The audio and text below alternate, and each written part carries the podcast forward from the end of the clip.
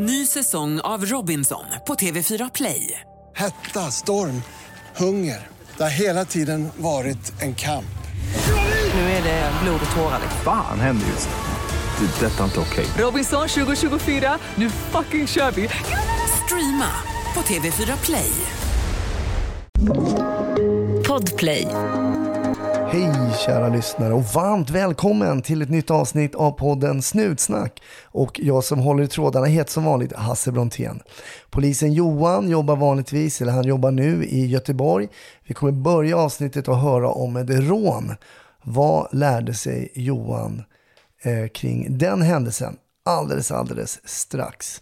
Vi pratar vidare eh, på Patreon givetvis och vill du höra bonusmaterial så finns det en hel drös av sådana på patreon.com snutsnack. Så det är bara att ta sig dit om du är nyfiken eh, kring det. Annars finns vi såklart på sociala medier. Nu vill jag att du tar det försiktigt där ute och så hoppas jag såklart att du får en trevlig lyssning. 1310 kom. 1310 Odengatan kom. Ja, det är uppfattat. Vi tar det. Slut. Bra. Klart slut. Ja, då säger jag välkommen till podden Johan. Tack så mycket. Vi har ju snackat lite här innan vi började spela in och jag vet ju att du är on the west coast som man säger. Eh, ja, jag är i Göteborg, i nordost. Ja. Heter det. Är du bördig också från trakten? Ja, jag är född och uppväxt och boendes på Hisingen. Så att, eh, alltid varit nära Göteborg, då, förutom studietiden eh, som jag var i Umeå. Ja, så det blev, det blev ändå en ganska lång resa då ända upp till Västerbotten där. Ja, det var det. Eh, och det var andra kullen bara som var där uppe. Så att eh, 2002 i januari så eh, flyttade jag upp till ett eh, snöigt och vintrigt Umeå. Ja, då är det både mörkt och kallt där uppe. Ja, det var det verkligen. Eh, Mm. Ja, min fru är från krokarna där så jag har eh, viss igenkänningsfaktor. Ja. Hur var det då liksom? Jag tänker att det var ja, långt hemifrån. Ja, men det är långt hemifrån, men att plugga sådär en bit hemifrån. Hur var det? Det, var, det var nog väldigt lärorikt får jag säga så här i efterhand. Jag vet att jag gick redan efter några veckor eller någon vecka och, och fiskade lite efter om man kunde få byta studieort för att komma närmare hem och så vidare. Men, men det var locket på där. Man fick eh, finna sig i att vara kvar, vilket jag är jättenöjd med Ja. så här i efterhand. Men det var, det var speciellt. Jag bodde i ett, eh, i ett rum i en lite större lägenhet som jag delade tillsammans med en annan kollega som faktiskt är lokalpolisområdeschef idag. Mhm. Så vi, eh, vi trängdes in där på, jag vet inte vad, vi hade 15 kvadrat kanske. Och sen, eh, ja, inget socialt skyddsnät runt omkring sig utan man var liksom lämnad till eh, studietiden. Så var, man fick bli vuxen fort där. Ja. Det var bra. Men den Johan då, det är ju 20 år sedan, Johan för 20 år sedan liksom. Vad hade du för tankar kring det här nya yrket som du skulle liksom kasta dig in i? Ja, men jag hade väl drömmen om, eh, för mig var det mycket blåljus, alltså polisbil, eh, larm och, och stora händelser. Sådär, som, det var det som låg framför mig och det som jag lockades av. Mm. eh, måste jag säga. Ehm, och hela vägen in i yrket. Jag, hade, jag jobbade innan det här som eh, på nätterna på en eh, bensinstation här i Göteborg och så, och så var det en natt där som eh, jag blev rånad då i, i butiken där. Ah, okej. Ehm, ja, det var, det var väldigt jobbigt ska jag säga. Hur gick det Eh, till, det rånet? Ja, det var eh, mitt i natten. Eh, Jag stod med tidningar och bullbak och allt vad som ingick och så kom det in tre eh, maskerade och beväpnade personer då som, som genomförde det här rånet. Eh, Och jag var ensam eh, anställd i butiken. Det var två stycken till i butiken men de var inte anställda. Det gick väldigt fort. Eh, jag fick eh, en rånare på varsin sida av mig och sen en som plockade gods. Då. Eh, Och jag larmade såklart när de hade lämnat och, så vidare och efter ett par minuter så kom kom första polispatrullen dit och jag vet att, att den tacksamheten jag kände då och fick mig i viss mån mot polisyrket Mm. några år senare. Då. Så att, nej, det var en hemsk händelse som ändå ledde till någonting positivt i slutändan. Då. Så, eh, Hur, ehm, mot polisen. jag, jag tänker på att bli rånad är ju en upplevelse som inte alla får vara med om, som tur är då. Men hur reagerade du, hur reagerade din kropp på att bli rånad? Liksom? Kan Ja, komma det var, ja, verkligen. Verk- Jag kan nog i princip i detalj eh, minnas vad som hände. Men det som eh, hände först var att jag eh, agerade väldigt eh, rationellt. Jag gjorde precis liksom, eh, vad jag hade blivit lärd att göra. Men gick och larmade. Jag såg till att ha ordning på bullarna. Vet du, det var viktigt för mig efter rånet. Då. Jättekonstigt alltså. Men sen eh, vet du när polisen kom in så, så bara föll ihop som en, eh, som en fläck alltså, på golvet. Eh, och det är en chockreaktion som, som, eh, ja, som träder in då såklart. Eh, och sen, sen lugnade det ner sig lite grann men sen tog det, det tog faktiskt flera år innan eh, jag eh, slutade reagera med is i magen på plötsliga ljud och sådär. Så att det var, nej, det där är inget jag önskar någon faktiskt. Men det är klart att idag eh, och även genom yrkeslivet här så har det väl varit eh, en, en viss styrka att haft med sig det här minnet då för att jag kan verkligen förstå mig på hur eh, målsägare ibland kan, kan känna sådär. Just det. Mm, det kan jag tänka mig att det kan vara, ha finnas ett värde i det. Ja, Vet du vad som hände med rånarna? Blev de, eh, fick man tag i dem eller? nej, det fick de inte. Jag vet att en kollega ringde och berättade att Nej, men nu är det någonting på spåret här och så vidare. Då blev jag väldigt hoppfull och glad och sen så rann det ut till ingenting, tyvärr då. Eh, Så att eh, det är och förblir ouppklarat. Mm. Av ren nyfikenhet och du berättade att rånarna då um, hade koll på dig och sen tillgrep man eh, gods. Vad, var, man, vad, vad stal man från en, eh, en bensinmack på den tiden? Man stal eh, cigaretter Ja. eh, och man stal kontanter. Vi hade kontanter på den tiden. Det var inga stora summor men, men det fanns ju ändå kontanter. Mm, Eh, Så det var väl det som man, man rev ner, kommer jag ihåg, ifrån kassadisken där. Mm. Ja. Vi har en liknande um, historia faktiskt. Nu kan jag säga fel om jag kallar henne för Sara, men en gäst. Hon blev också rånad ehm, när hon jobbade i en butik. Sprang efter och sen kom polisen och då hade någon av poliserna sagt, men vet du, du sprang efter och du kanske borde bli polis själv. Och tänkte hon, ja, kanske. Och så blev hon det. Ja. så att, Ja, men det, så kan det vara, absolut. Men det, men du sa Jo, att man- det ändå triggade dig lite att liksom polisyrket eh, lockade lite efter det. ja, ja, hela egentligen från gymnasiet och lite innan dess så var det mot journalistyrket jag, jag sökte mig. Men, Jaha. men eh, ja, det ena gav det andra och det här var väl kanske lite, jag har alltid tyckt om att liksom hjälpa till och, och vara en del av eh, ett större sammanhang. Och då, det här var väl kanske det som fick mig att söka mig mot yrket i alla fall. Då. Mm. Jag tänker, finns det inte, du nämner där eh, tankarna kring att börja jobba som journalist, att det finns vissa likheter. Jag tänker på när, var och hur och varför och liksom de frågorna som man ställer som polis är ju inte helt olika det en journalist kanske ställer ibland, även om syftena då kanske är lite olika. Nej, men det, det finns mycket likheter och jag kan ju tycka att jag än idag har stor glädje av eh, mitt skriftspråk bland annat då, som, Mm. som eh, är gott. Så att, eh, Eh, och även kontakter med människor. Jag vet, jag, hade, jag var utsänd som reporter för en lokal innebandytidning och, och gjorde eh, reportage från olika tävlingar och sådär. Det var också liksom att höra folk på sitt sätt och liksom få sina eh, reportage hem till redaktionen där. Så det var, ja, det finns absolut eh, likheter mellan yrkena. Du berättade också att du fick en liksom förståelse för kanske nu för senare i yrket om målsägande och deras reaktioner och så här. Men hur blev du bemött som målsägande själv av poliserna de kom? Kommer du ihåg hur du blev, hur de tog hand om dig så att säga? Alltså, det jag minns var att blotta åsynen av en polis eh, kändes väldigt omhändertagande. Ja, okej. Mm. Eh, och sen blev jag sannolikt hörd där och då. Jag vet inte om jag blev hörd i ett senare skede. Jag har de där förhören någonstans. Men, eh, och och sen, sen var det liksom inte så mycket mer. Jag ska inte klandra polisen på något sätt där. Men det, var, det jag minns var att man hördes liksom en eller kanske två gånger. Och sen så, så var det inte så mycket mer. Och det blev väl eh, slut på uppslag kanske. Eh, och sådär. Mm, mm.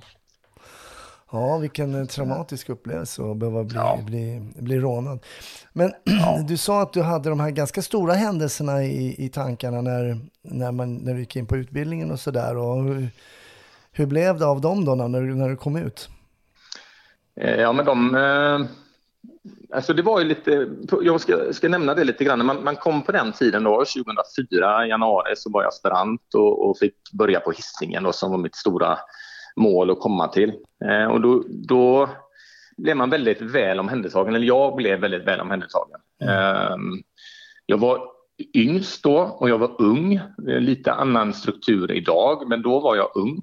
Eh, och fick väldigt god hjälp av min handledare då, som heter Britt och som min instruktör Fredrik. Och, och de två eh, de har betytt jättemycket, eh, måste jag säga. Eh, även idag, framförallt Fredrik då, som hans sätt att hantera eh, avrapportering och säkerhet, det är någonting som påminns, eller som jag påminns om eh, varje vecka Mm. fortfarande. Så det är jäkligt häftigt. Men man, fick, man kastades ju in i det här då som aspirant och sen gick man ju från en dag till en annan så blev man ju assistent på samma turlag. Mm. Man, hade ju liksom, man, man visste ju direkt vart man skulle få fortsätta. Mm. Och det blev ju också lite annat.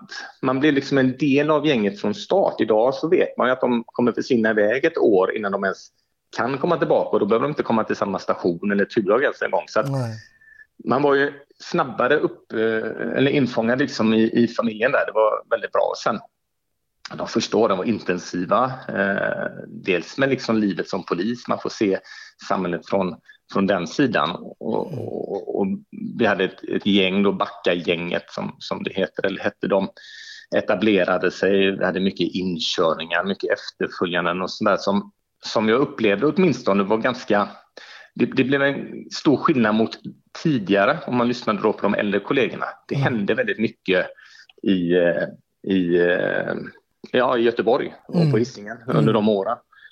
Så att, eh, nej, det var, det var spännande. Jag fick bara en spontan tanke nu tillbaks till dina bullar där. Det var en liten återkoppling. Men det där har man ju sett även hos polisen när man gör vissa saker att man prioriterar fel. Jag vet till exempel efter skjutningar så har ju poliser gått och plock- plockat tomhylsor liksom. Ja, ja. För att det är så man gjort hela tiden, det här repetitivt liksom. Och du har gjort dina bullar och du vet att de måste göras, men snart kommer de och köper det. Det, det är lustigt hur den mänskliga hjärnan fungerar där. Ja, jag, jag tyckte det var jättekonstigt eh, hur mycket energi jag la på att inte bullarna skulle brännas vid. Alltså på riktigt i det sammanhanget liksom. Men, Ja. men man gör eh, man gör ofta kanske vad man har blivit lärd och det sitter någonstans i, i ryggmärgen och återgår till någonting som man är trygg i. Jag visste ju att bullarna skulle fixas liksom. Så Ja. att, eh, nej, det, Ja, det bara dök upp i mitt huvud. Det är spännande där precis hur, hur man bara, det man vet att man kan göra, har gjort repetitivt, det gör man liksom. Så, ja. Intressant. Nej, det var, förlåt, det var bara en, en, Ja, ja. en tanke jag fick där. Ny säsong av Robinson på TV4 Play. Hetta, storm, hunger. Det har hela tiden varit en kamp. Nu är det blod och tårar. liksom. Fan händer just nu. Det. är Detta är inte okej. Robinson 2024, nu fucking kör vi! Streama på TV4 Play. Ett poddtips från Podplay.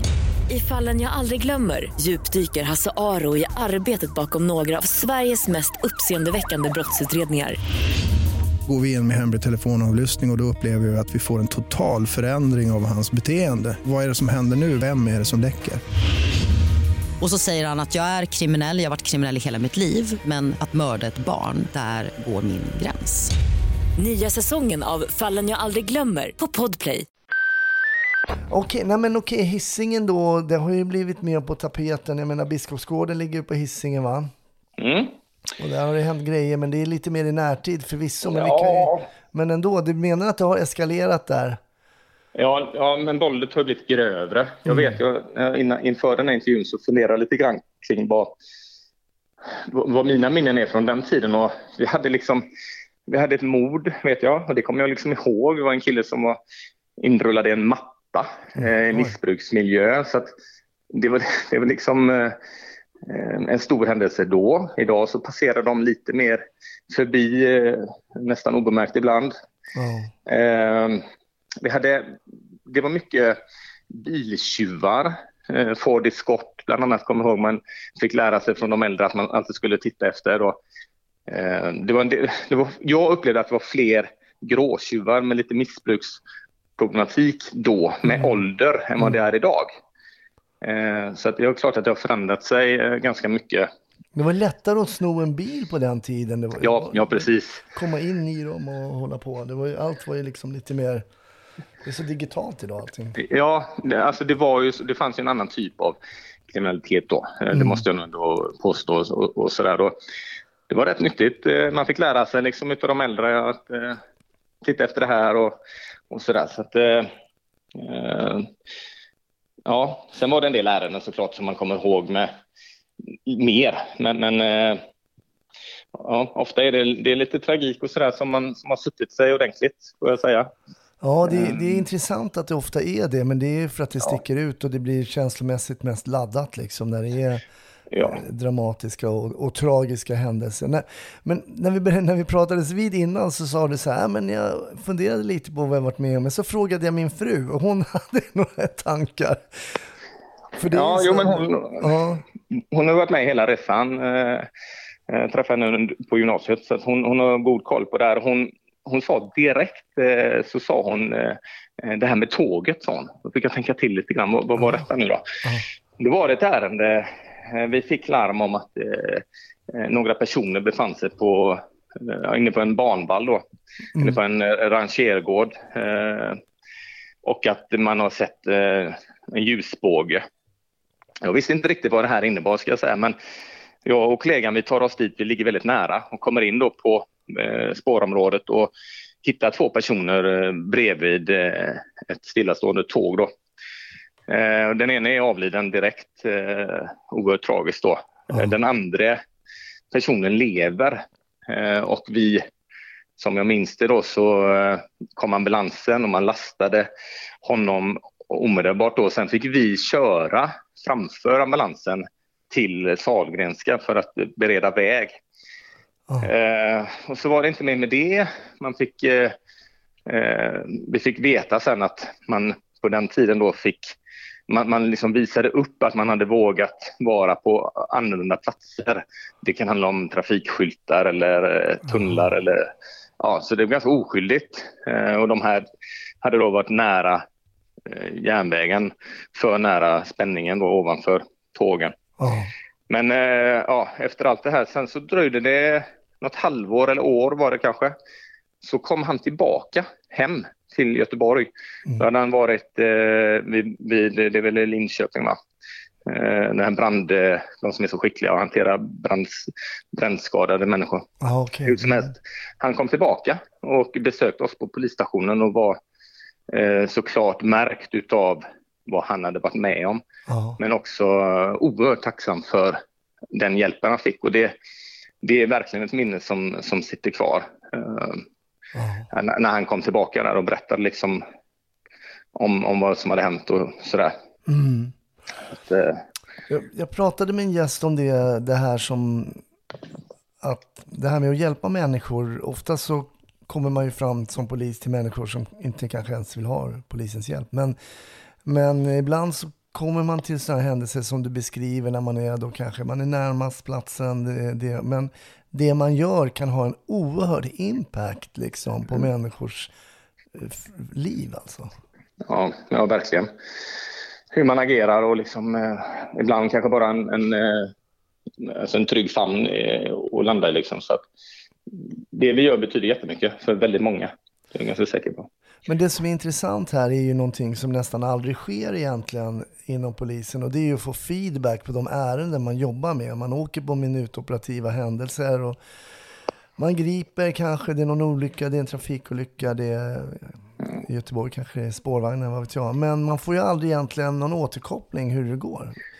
Nej, väldigt sällan. Eh, jag vet inte, det kanske är sunt också, men, men ibland så är det, är det skönt, framförallt när det går åt det hållet och man får liksom en, Mm. en positiv... Eh, det här var ju fruktansvärt det som hände, men sen så utifrån förutsättningen så blev det ändå någonting fint i slutet där. Då, så att, eh, Hade du, ägn, hade du ägnat tankar åt den här killen eh, som ni hittade där? Såg du att, var en allvar, du såg att han var allvarligt eh, skadad när ni hittade honom? Ja, ja, ja, ja. Det, jag vet inte hur många, eller vad det är för spänning, men det är väl 13-14 000 eh, volt i de där ledningarna. Så att, eh, man blir ju oerhört svårt skadad eh, om man hamnar i närheten av de där ljusbågarna då, som han hade gjort. Ja. Och han var brännskadad eh, jag tror att han, jag vet att han var brännskadad på höger sida av kroppen och det räddade honom, eh, om inte jag missminner mig. Ja, okej. Eh, att, ja, det och, och ja, sjukvården och, och snabbt agerat så, så fick han fortsätta och det var väldigt skönt.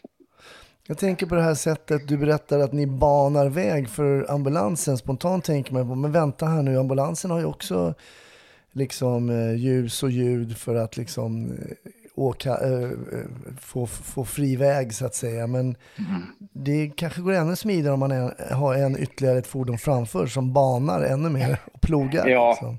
Det är mycket bättre. Alltså man, de har ju rätt att påkalla friväg, men det är ju inte riktigt samma sak som att alla lyssnar till det. Eh, så att vi åkte hela tiden en korsning framför. Mm. Och det gjorde, jag vet att ambulanspersonalen var väldigt nöjda med det också. Jag säger inte att det var avgörande, men, Nej. men det är klart, gav det någon eller några minuter eh, mindre tid i ambulansen så är det jättebra. Eh, Så det minns jag också, för det var nog första gången som vi, som jag minns i alla fall, att vi skarpt gjorde det. På det viset. Mm. Jag kommer aldrig ihåg att, inte på min tid för att vi övade sånt eller sådär, utan det var mest Nej. att man övade friväg bara för sitt eget fordon så att säga.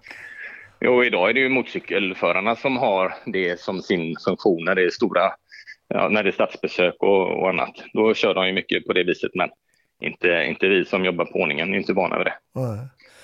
Efter den här första tiden då på hissingen, hur länge blev du kvar på den första stället där du, Eh, jag- efter aspiranten? Jag var kvar där i fem år, till 2009.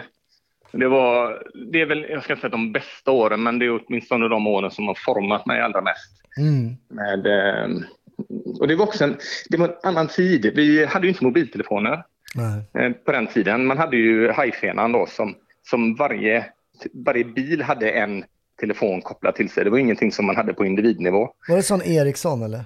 Ja, visst. Och jag hade en, en kollega där som betyder jättemycket, Per Krebs. Eh, Han hette sen Nattvid och han gick ju bort för fem år sedan eh, i samband med yrkesutövning. Eh, Men han betydde oerhört mycket för mig i de åren. Och eh, han hade bland annat som krav att man skulle kunna eh, mobiltelefonnumret till alla radiobilar. Oj. Så det var, ja, men det var liksom, det var viktigt att man, att man gjorde rätt. Man sa rätt på radion. Man, eh, hade man radioplats så var det jätteviktigt. Och man, det, det fanns mycket regler som man fick lära sig. Mm. Som jag då tyckte liksom, jag tyckte inte alls var konstigt. Idag är det inte riktigt på så vis. Eh, men, men, eh, Nej. Jag, jag och såg... även, Ja, förlåt.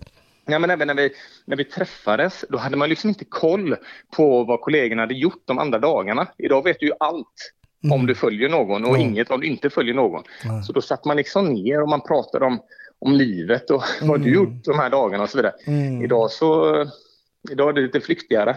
Ja. Så eh, det var väldigt, eh, en fantastisk tid måste jag säga. Eh, Ja, där. det är riktigt intressant. Jag börjat kolla, jag och min fru kollade på första avsnittet av det här. Eh, jag kommer inte ens ihåg vad det heter. Jo, Kompani Svan heter det. Det är Gunde Svan och eh, Micke Tornving som har ett gäng då celebrity svenska som ska eh, göra typ lumpen, men det är ju ja, det är någon variant av det. Men, men det handlar ju om det här som man gör när man gjorde lumpen. Jag, jag gjorde lumpen i alla fall. Man skulle ju bädda sängen, ha ordning i sitt skåp och allting. Det här byggde man ju från början bara för att man, sen är det viktigt att ha ordning på allt. Alltså när man är Ja, ja. i det militära. Och det, är ju, det finns ju faktiskt vissa kopplingar till att ha ordning och reda och vapenhantering och sånt till det polisiära. Även om eh, militär och polis inte alls kanske är jämförbart så. Men det är ju det här som du berättar, det här att kunna de här detaljerna och allting från början. Det finns ju någonting nyttigt med det. Ja, men det var jättenoga. Jag vet att jag blev, jag blev ofta eh, rättad i början då liksom. Eh, hur man skulle bemöta folk, hur man skulle ta i folk, framförallt hur man skulle ta i folk, att man liksom var med på tårna. Och det upplevde, alltså jag, jag fick mycket skit så att säga, med rätta, men det gav också väldigt mycket. Idag är det inte, nu är inte jag instruktör idag, så de gör ett superjobb, men, men det fanns inga hinder och så att säga var ganska tuff på den tiden mot, mot oss nya. Ja. Eh, men det gav också väldigt mycket i slutändan vill jag påstå. Så att, eh, jag är väldigt glad för de åren som jag fick där. Mm, intressant. Du, men du beskrev då att Britt var din handledare. Mm. Och vad är skillnaden då? Sen var det instruktören. Vad, vad, om vi berättar för lyssnarna, vad var skillnaden på handledare och instruktör? Då? hon har en eh, spindelfunktion kan man säga. Ah, okej. Eh, hon ser till så att jag fungerar på olika enheter inom polisen, om det var utredning eller Mm. ungdom eller ordningen och sådär. Eh, Men hon, eh, hon trodde alltid på mig och tyckte att jag, jag var ung och jag var väldigt mycket, ska jag vara ärlig och säga. Det, man, man märkte när jag kom. Ah, okej. Och det var inte bara eh, uppskattat kanske från alla led och det kan man väl förstå. Men hon trodde stenhårt på mig hela tiden. Hur ung var du? var väldigt skönt. Ja, Jag var 20, eh, ska säga, ja, 22, 23. Mhm. Och det är inte världens yngsta ålder idag, men eh, då var jag var klart yngst. Eh, Mm, men det är ungt Då. för att vara, det är ungt. Jag var exakt så jag gick ju direkt från lumpen, så man var ju extremt ung alltså. Ja, jag var inte särskilt torr bakom öronen heller, så att man, man fick liksom, men hon, hon var väldigt eh, eh, bra. Och sen hade man en instruktör då, eh, och det hade man på olika enheter, men då var man mest på ordningen och han, eh, han lärde mig hantverket, eh, kan man säga, så som jag idag skriver en anmälan, exakt så skrev han för snart 20 år sedan. Ja, det är helt sjukt. Det är, vi ställer upp exakt likadant idag och det går igenom. De är jättenöjda med, med hur det ser ut då stilistiskt och det är liksom en, en grund som är 20 år gammal. Ja, det är ju häftigt. Det är häftigt. Och det har vi också hört värdet av, av äldre, äldre kollegor och instruktörer, men en del kanske inte har varit så att säga mm, på pappret instruktörer, men man har varit väldigt liksom bra ändå i någon form av liksom, em, yrkesmässig handledning, vad man ska göra och inte göra och hur man ska säga till människor. Sen är det ju också det här lite mer informella där man själv kanske faktiskt lyssnar på, man ser att kollegor har framgång i, i en antingen förhörssituation eller kanske bara en bemötande liksom ute på stan. Man tänkte, det där, det var smart sagt alltså. Han kom en bit där. Ja, Ja, de, de var väldigt duktiga och erfarna, trygga eh, kollegor. Ja. Man kunde, jag var ju, hade ju säkert en sju, åtta stycken jag kunde luta mig mot som, som hade varit med om de flesta larmen flera gånger. Det gjorde, gjorde starten väldigt bra. Eh, Men efter Hisingen, vad blir det då, då? Efter de här åren som du säger i alla fall har format dig eh, som mest. Eh, Då sökte jag mig till RLC, det är LKC då, men RLC, alltså radion. Mm. Och det fanns flera skäl till det. Dels tycker jag att det är en väldigt spännande arbetsplats och sen så hade vi fått tre barn på kort tid och vi byggde hus och de hade en annan lönsättning kan man säga än vad som fanns på ordningen. Så det fanns många skäl att försöka komma in där och det gjorde jag och så utbildade jag mig till operatör och så var jag där i fem år. Eh, och det var intensiva år och väldigt lärorika år. Man får verkligen veta allt vad som händer och sker i hela eh, västra Sverige. Då. Mm. Eh, och på den tiden fanns även FU-ledningen på RLC. Ja. Eh, så då fick man lära sig en hel del om det också, då, beslutsvägar och grunder för beslut och så vidare. Så att det var mycket som man fick med sig därifrån, eh, även om det är en väldigt intensiv arbetsplats. Ja. Och det är det fortfarande. Jag är inne och jobbar extra där ibland och det är, det är en, jag högaktar de som, som är där för att det, det kräver sitt kan jag säga. Ja, verkligen. Bara hålla reda på och all, då, på den tiden alla radiobilar som var i, när man åkte på lite större grejer och de riktade Ja, ja. på den ena och den fjärde och satte ihop kanaler. ja, det, Vi hade olika radiosystem. Vi hade ju S70, S80 och Rakel samtidigt igång under en period. oh, wow. Så att, eh, eh, ja, det var mycket. Men hur, jag menar, man kompletterar ju alltid med nya kunskaper när man byter liksom känns sådär. Hur, hur tyckte du att du eh, kompletterade upp dina polisiära kunskaper när du fick sitta liksom eh, på ledningscentralen och, och snacka med bilarna ute på fältet? Vad, vad, vad lärde du dig av det? Ja, dels så fick man en, en väldigt god överblick kring hur ett ärende eh, sys ihop i slutändan. Man fick ju vara med liksom från det att allmänheten ringde in någonting då tills dess att, att det var färdigt. Man, man fick en förståelse för helheten på ett sätt som, som var väldigt, väldigt bra. Mm. Eh, ax till limpa på, på många ärenden. Och sen var man också instruktör. Eh, det var många kollegor då som hur ska man göra här och hur resonerar ni? Det var precis som att, det kommer jag ihåg själv, att man hörde gärna av sig till, till RLC då för att få lite tips och, tricks för de var ofta lite mer erfarna. Mm. Eh, så det var också en, en vinst eh, tycker jag som, som man fick med sig därifrån. Eh, och sen är det att jobba under press. Man ska veta det att man blir alltså inspelad dygnet runt där i alla samtal, all radiotrafik, alltihopa det spelas ju in. Det är Mm. såklart för allmänhetens skull och för vår skull liksom. men, men man, man är under lupp hela tiden. Mm. Eh, vilket inte är ett problem, men det är ett faktum. Och, och fick man också, man fick liksom, eh, det var väldigt mycket beslut. Man fattar ju beslut hela tiden. Vi kommer med radiobil, vi kommer inte med radiobil. Framförallt det beslutet då. Eh, så man blev ganska trygg i, sin, eh, i sitt beslutsfattande. Och man lärde sig att göra det fort. Mm. Eh, Men hur var det att säga Nej. till folk så här, "Nej, men vi har ingen bil, det kommer ingen bil, vi har av olika anledningar. Hur var det då?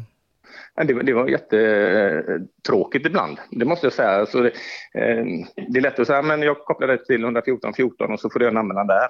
Det låter ju ganska enkelt, men när man har en allmänhet på andra sidan som verkligen vill ha en polisbil och man ändå vet att det inte kommer bli så, så klart att det var många sådana beslut som inte alltid var trevliga att fatta, men som gjordes ändå då för verksamheten helt enkelt. Mm. Eh, Men man lärde sig av det också. Mm, mm. Okej, så fem år där uppe på radion då. Mm. Det tycker jag alltid var så intressant när man kom upp dit och såg hur folk såg ut. Man visste ju hur de lät Ja. liksom. Ja. så, så skapar man sig en bild av hur de såg ut. Ja, var ju, man var ju uppåt väggarna fel varje gång alltså. Eh, tror jag många känner, känner igen. Eh, idag är det lite mer skyddat, men eh, eh, det är inte lika enkelt att komma upp eh, och sådär. Ah. Eh, Mm, Men, men eh, då var det många kollegor som kom upp och hälsade på. mm. Men sen då, du söker en ny tjänst då. Är det för att barnen har blivit lite större eller kände du att du ledsnade eller vad, vad, vad hände? Nej, men jag, jag var ju inte färdig eh, med livet som eh, uniformerad polis på utsidan. Eh, och det kände jag väl ganska tidigt, men det är ju inte heller bara att lämna eh, en enhet, utan man, dels måste man få en chans och en tjänst och så vidare. Men sen hade jag, hade jag sån tur att jag fick bli en del av en eh, utväxling där eh, eh, RLC, eller det paraplyt som RLC låg under, gärna ville ha en viss individ till sig. Och han befann sig då i nordost och då kunde man eh, byta mig med honom. Eh, Så fick man behålla personalstyrkan. I övrigt finns det ingenting eh, som går att jämföra med oss två för han, han, han plockades ut till en väldigt viktig funktion och jag fick då chansen att komma tillbaka till utsidan men till nordost då istället för Hisingen vilket inte på något sätt var ett problem. Men, eh, så då kom jag ut 2013 på hösten där eh, till en områdespolisgrupp. Ja. Och då hade ju PUST kommit, bland annat. Vänta, vad är det då? Hjälp mig. Det, är ett nytt, eller det var då ett nytt eh, avrapporteringssystem Aha. som eh, det var omtalat, men eh, det var igång när jag kom ut så det var bara att lära sig. Ja. Och sen hade ju fem år passerat så att då var man inte längre yngst och, sådär. Så att det, var, det var väldigt bra att få börja på en områdespolisgrupp som på den tiden var lite, eller ganska mycket annorlunda mot vad, den, vad de är idag. Mm. Så jag, jag kunde liksom skolas in långsamt igen i, i yrket eh, på utsidan kan man säga. Ja. Jag kommer ihåg, jag får mig det hette RAR va, vi skrev i. Eh, RAR hade vi innan också. va? Nej, men RAR och PUST, jag tror att de var tillsammans båda Ah, två en period. Ah, Okej. Mm. Eh, Men RAR var ju ändå, det hade jag ju med mig från tidigare, men PUST var ju helt nytt. Ja, jag fattar. Men det lades ner sen efter inte så lång tid, så att, eh, nej. Ja, det där intressant. RAR vi hade, det var stökigt. Ja, jo, men det var ju, ja. Jag det började, det då, jag vet, vi skrev ju på skrivmaskiner alltså, och satt och, och med Tippex och grejer. Nej, det var ju katastrof och det var så olika färger på de här kopiorna. Det var ju karbonpapper emellan och så skulle en rosa upp dit och den gröna skulle upp dit. Ja, jag tror att det var på stenåldern liksom, men fortfarande kommer man ihåg det. Så. Ja, Ja. det är otroligt. Ja, men det är ändå bra att ni fick puss där ändå. Men det, det där kom du in i rätt snabbt eller? Eh, ja, det får man väl säga. Och sen hade vi på den tiden också, den gruppen jag ingick i hade som huvuduppgift kanske att, att bygga relationer med eh, ja, unga individer i utsatta områden. Kan man säga. Det fanns ju inte på papper i särskilt utsatta områden och så då, men Nej. det var ju vad det handlade om. Och vi, vi jobbade mycket med relationer och den andra områdespolisgruppen jobbade kanske mer med, med repressiva saker. Då. Okay. Eh, så det var mycket, mycket möten med fastighetsägare och trygghetsvärdar och ungdomar med då för den delen, men inte så mycket kanske som man tänker sig polisarbete. Utan det var mer, eh, ja det var lite mjukare kanter. Mm. Ja, jag fattar. Det där är inte helt lätt att snacka med ungdomar när man är i uniform. Nej, det var det inte, men ändå var det lättare då än vad det är idag. Ja. Uh, det är inte så många år sedan. Men, uh, uh, nej, men så är det. Så jag fick vara där fram till 2015, ja. tror jag. Då fick jag komma tillbaka till uh, ingripande verksamheten då, i nordost och fick ingå i ett turlag igen. Så då var jag tillbaka på den rutan jag lämnade när jag försvann från Hisingen. Ny säsong av Robinson på TV4 Play. Hetta, storm, hunger. Det har hela tiden varit en kamp. Nu är det blod och tårar. Fan händer just det. Det är detta inte okej. Robinson 2024, nu fucking kör vi! Streama på TV4 Play. Ett poddtips från Podplay. I podden Något Kaiko garanterar östgötarna Brutti och jag, Davva, dig en stor dos skratt. Där följer jag pladask för köttätandet igen. Man är lite som en jävla vampyr. Man har fått lite blodsmak och då måste man ha mer. Udda spaningar, fängslande anekdoter och en och annan arg rant. Jag måste ha mitt kaffe på morgonen för annars är jag ingen trevlig människa. Då är du ingen trevlig människa, punkt. Något Kaiko, hör du på Podplay. Därför är gardinerna. Och vad var skillnaden då, då om du tittar tillbaka till den första tiden på hissingen och sen så kommer då ett x antal år senare på IGV igen. Kände du någon skillnad? Eh, ja, men det är ju cannabis. Enorm skillnad. Alltså. Eh, ja. Cannabis och tabletter. Eh, makalöst. Jag trodde inte mina ögon när jag eh, kom in. Det var egentligen i slutet på områdespolisverksamheten i nordost som jag eh, kom i kontakt med cannabisen så tydligt. Men sen har den ju exploderat i användning. Mm. Det, det, är en jättestor skillnad. Och sen hela den tekniska utvecklingen som eh, alltså vi hade inte smartphones när jag jobbade på Hisingen Nej. och det kan tyckas oerhört märkligt. Idag så, så har man ju en bättre dator i fickan. Så att det är Mm. enorm skillnad med, med allt sånt där. Man blir filmad, man blir ifrågasatt, man blir liksom hela tiden påpassad överallt dygnet runt. Så Ja. att det är enorm skillnad mot eh, tidigare. Det är inte bara den där gå med liksom sabeln vid sidan och händerna på ryggen och liksom gå runt och spankulera. Ja, ja men det... Så yrket har ju liksom förändrats och även, även eh, eh, kriminaliteten har krupit ner i åldrarna, blivit mycket grövre brott och, och sen eh, annan respekt för oss också tycker jag. Det är många kollegor som får, får väldigt mycket eh, skit, alltså tryckt i ansiktet och det tyckte inte jag att jag... Jag minns inte att det var så i alla fall. Nej. Sen eh, när vi kom så var det åtminstone, eh, man behövde inte tycka om oss men man respekterade i alla fall vad vi gjorde där. Idag är det inte ens så alla gånger utan man ifrågasätts hela tiden.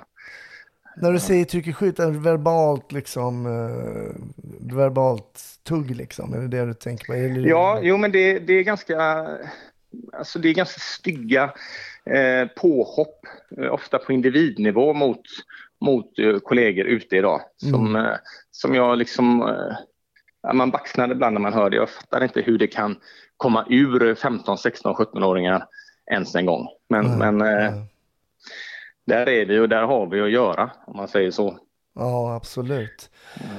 Ja, jag vet inte. Jag kommer ihåg själv ändå, min, min pappa var ju polis och sådär, men jag kommer ihåg att jag hade en oerhörd respekt. Men det är inte bara, det har vi tagit upp tidigare, men det var inte bara mot eh, poliser, utan det var mot vuxenvärlden på ett annat sätt. Ja. Kanske också som fanns en, en, en, en respekt där man liksom, mm, man tog det lite lugnt. Ja, det gjorde man. Så att, eh, nej, det där är, har förändrats. Eh, och nu om man tittar i nutid så har ju polisverksamheten också förändrats jättemycket. Vi har ju, eh, vi har ju kanske den, mest, eller den bästa innovationen sedan eh, någonsin med, med våra telefoner Mm. idag. Då, där vi har liksom möjlighet till, till system som tidigare var kopplade då till RLC som innebar att man behövde begära deras hjälp och så vidare. Det har man direkt idag. Man blir mycket, mycket, mycket mer effektiv idag i sitt polisarbete än vad vi var tidigare. Jag såg på någon brittisk, eh, jag tror det var någon, du vet när man, jag zappade förbi, det var ett tag sedan, men de har ju liksom med automatisering om de ligger till exempel bakom en bil och, och bilen är lyst, då kommer det upp typ en varning, blip, då ser Mm. datorn det liksom. Är, det- är det på gång i Sverige? Vet du något om det eller? Ja, men det har vi. Eh, Det är bara det att vi det. inte får, eh, vi får inte kicka igång det nu, utan det ligger i det ligger event. Jag antar att det är beslut och integritet och sådär som behöver eh, klubbas igenom. Men systemet finns i de nya polisbilarna, men det används inte då. Eh, ännu. Tror du det skulle, vad tror du det skulle innebära om man liksom lagtekniskt fick, om man inte fick liksom till exempel smäda på det sättet som man får göra eh, tjänstemän då inom polisen sådär, man får skrika både det ena och det andra och man ser ibland det dyker upp på Instagram och Ja, man ser kommentarerna då, svensk polis är så mesig och sådär. Man bara får stå och liksom äta och tugga i sig det här folk säger. Skulle det hjälpa om man hade någon form av lagstiftning där tror du? Ja, kanske. Eh, Men samtidigt, mycket av det sker ju i stundens hetta. Jag vet inte om, Mm. om alla har med sig att, eh, att det som är inspelning pågår. Vi har ju våra kroppskameror som vi spelar in mycket på. Mm. Eh, Men de kräver ju en aktiv handling utav oss, att vi sätter på dem helt enkelt. Eh, Men när, när avgör du det då? Är det att du kommer att märka att den här situationen kanske börjar bli lite tillspetsad? Ja. Ja, eller innan. Eh, Vi ska in i en lägenhet där det påstås vara bråk. Ja. Då, eh, då sätter vi på våra kameror. Mm. Eh, Vi ska patrullera på ett torg där det ofta är stökigt, på med våra kameror och så vidare. Så det är väl en viss erfarenhet man lutar sig mot eh, när de ska vara på. Ibland missar man, men ofta har man på dem i, i tid tycker jag. Rent praktiskt, för det här fanns ju inte på min tid, men hur, hur sker det sen liksom med den här... För det ska ju överföras information då från kameran och diarieföras, eller hur, hur blir det efter ett pass slut? Liksom? Ja, om, de, om det finns någonting av värde, alltså att man har varit ett ärende där kameran har spelat in någonting så dockar man kamerorna i, i en, ja, en docka som för över det till ett system. Ja. Och det här kan vi inte påverka utan eh, allting kommer med. Vilket är jättebra för allmänheten eh, också såklart. Mm, Eh, Det är aldrig snack om att vi eventuellt kan ha manipulerat eller fixat till och så vidare. Utan det som finns, det finns. Ja, okej. Eh, Det är av och på. Ja, ja. Just det. Men nu, nu är du kvar, det här, den anhalten du gick, du är, nej vänta, du är nordväst, är du tillbaka på Nordost. poli, ost, förlåt, nordost. Ja. Du är kvar där Jag, är kvar. jag är kvar. Jag har Ja. varit kvar då sen, ja, så länge har jag inte varit någonstans och det är för att jag trivs, eh, jag trivs fantastiskt bra. Men sen, eh, sen fick jag chansen att vikariera som, som eh, ett lönevikt då, som det heter, som gruppchef från eh, årsskiftet 17 tror jag det var. Mm.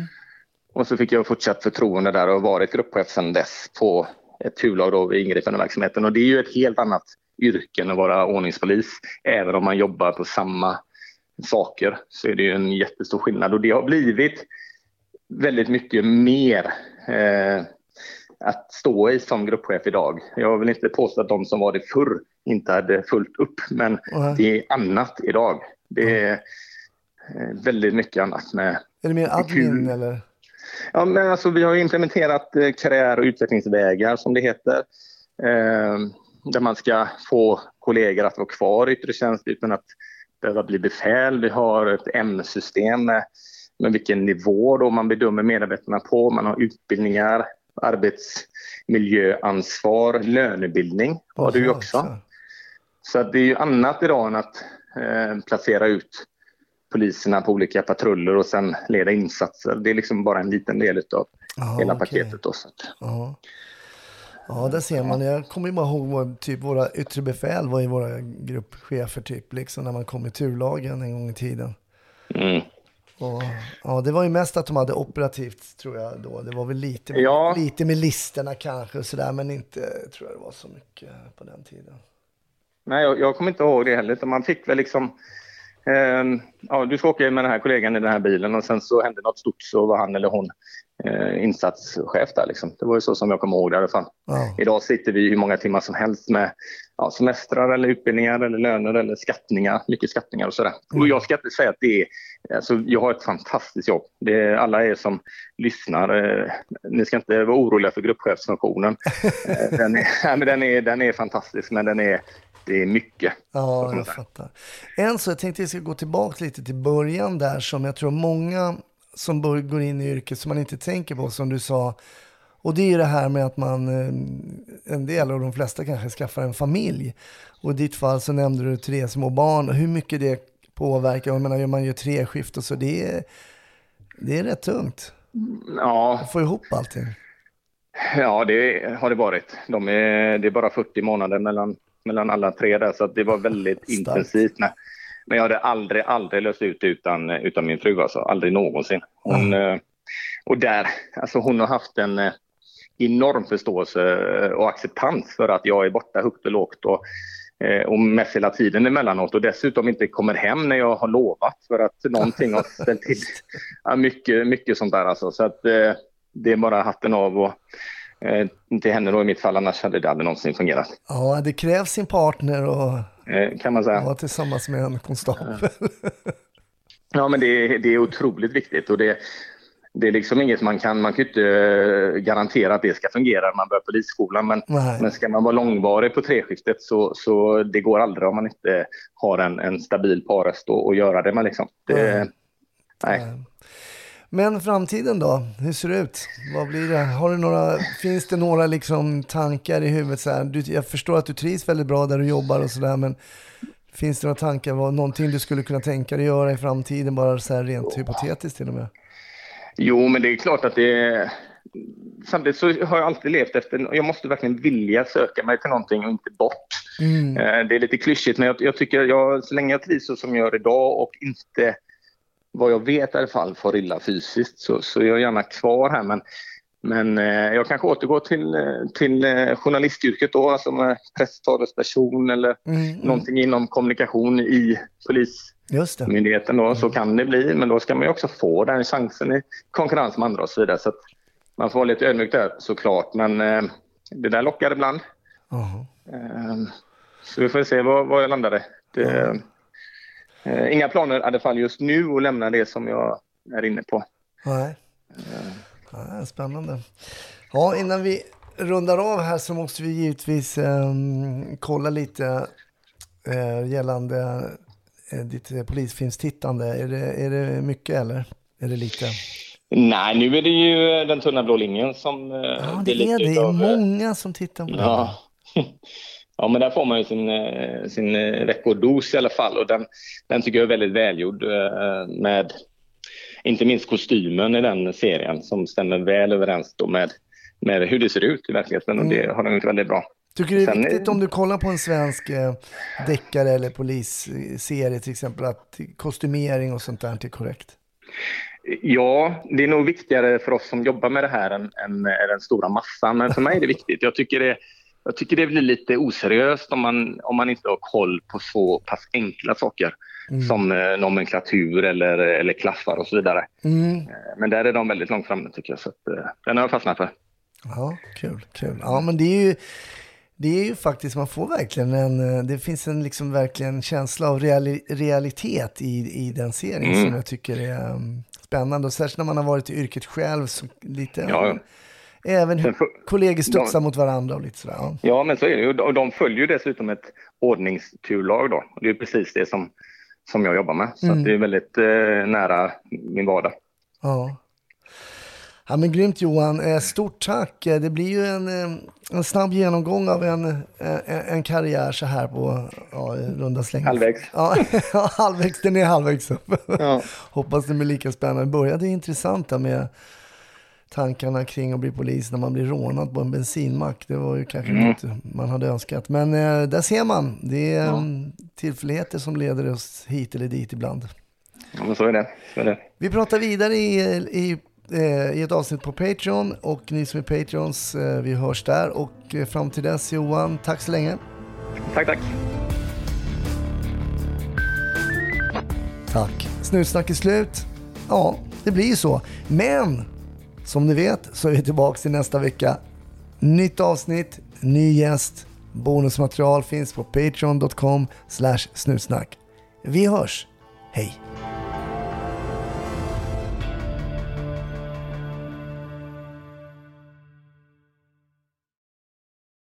Ny säsong av Robinson på TV4 Play. Hetta, storm, hunger. Det har hela tiden varit en kamp. Nu är det blod och tårar. Fan händer just nu. Det. är Detta är inte okej. Robinson 2024, nu fucking kör vi! Streama på TV4 Play.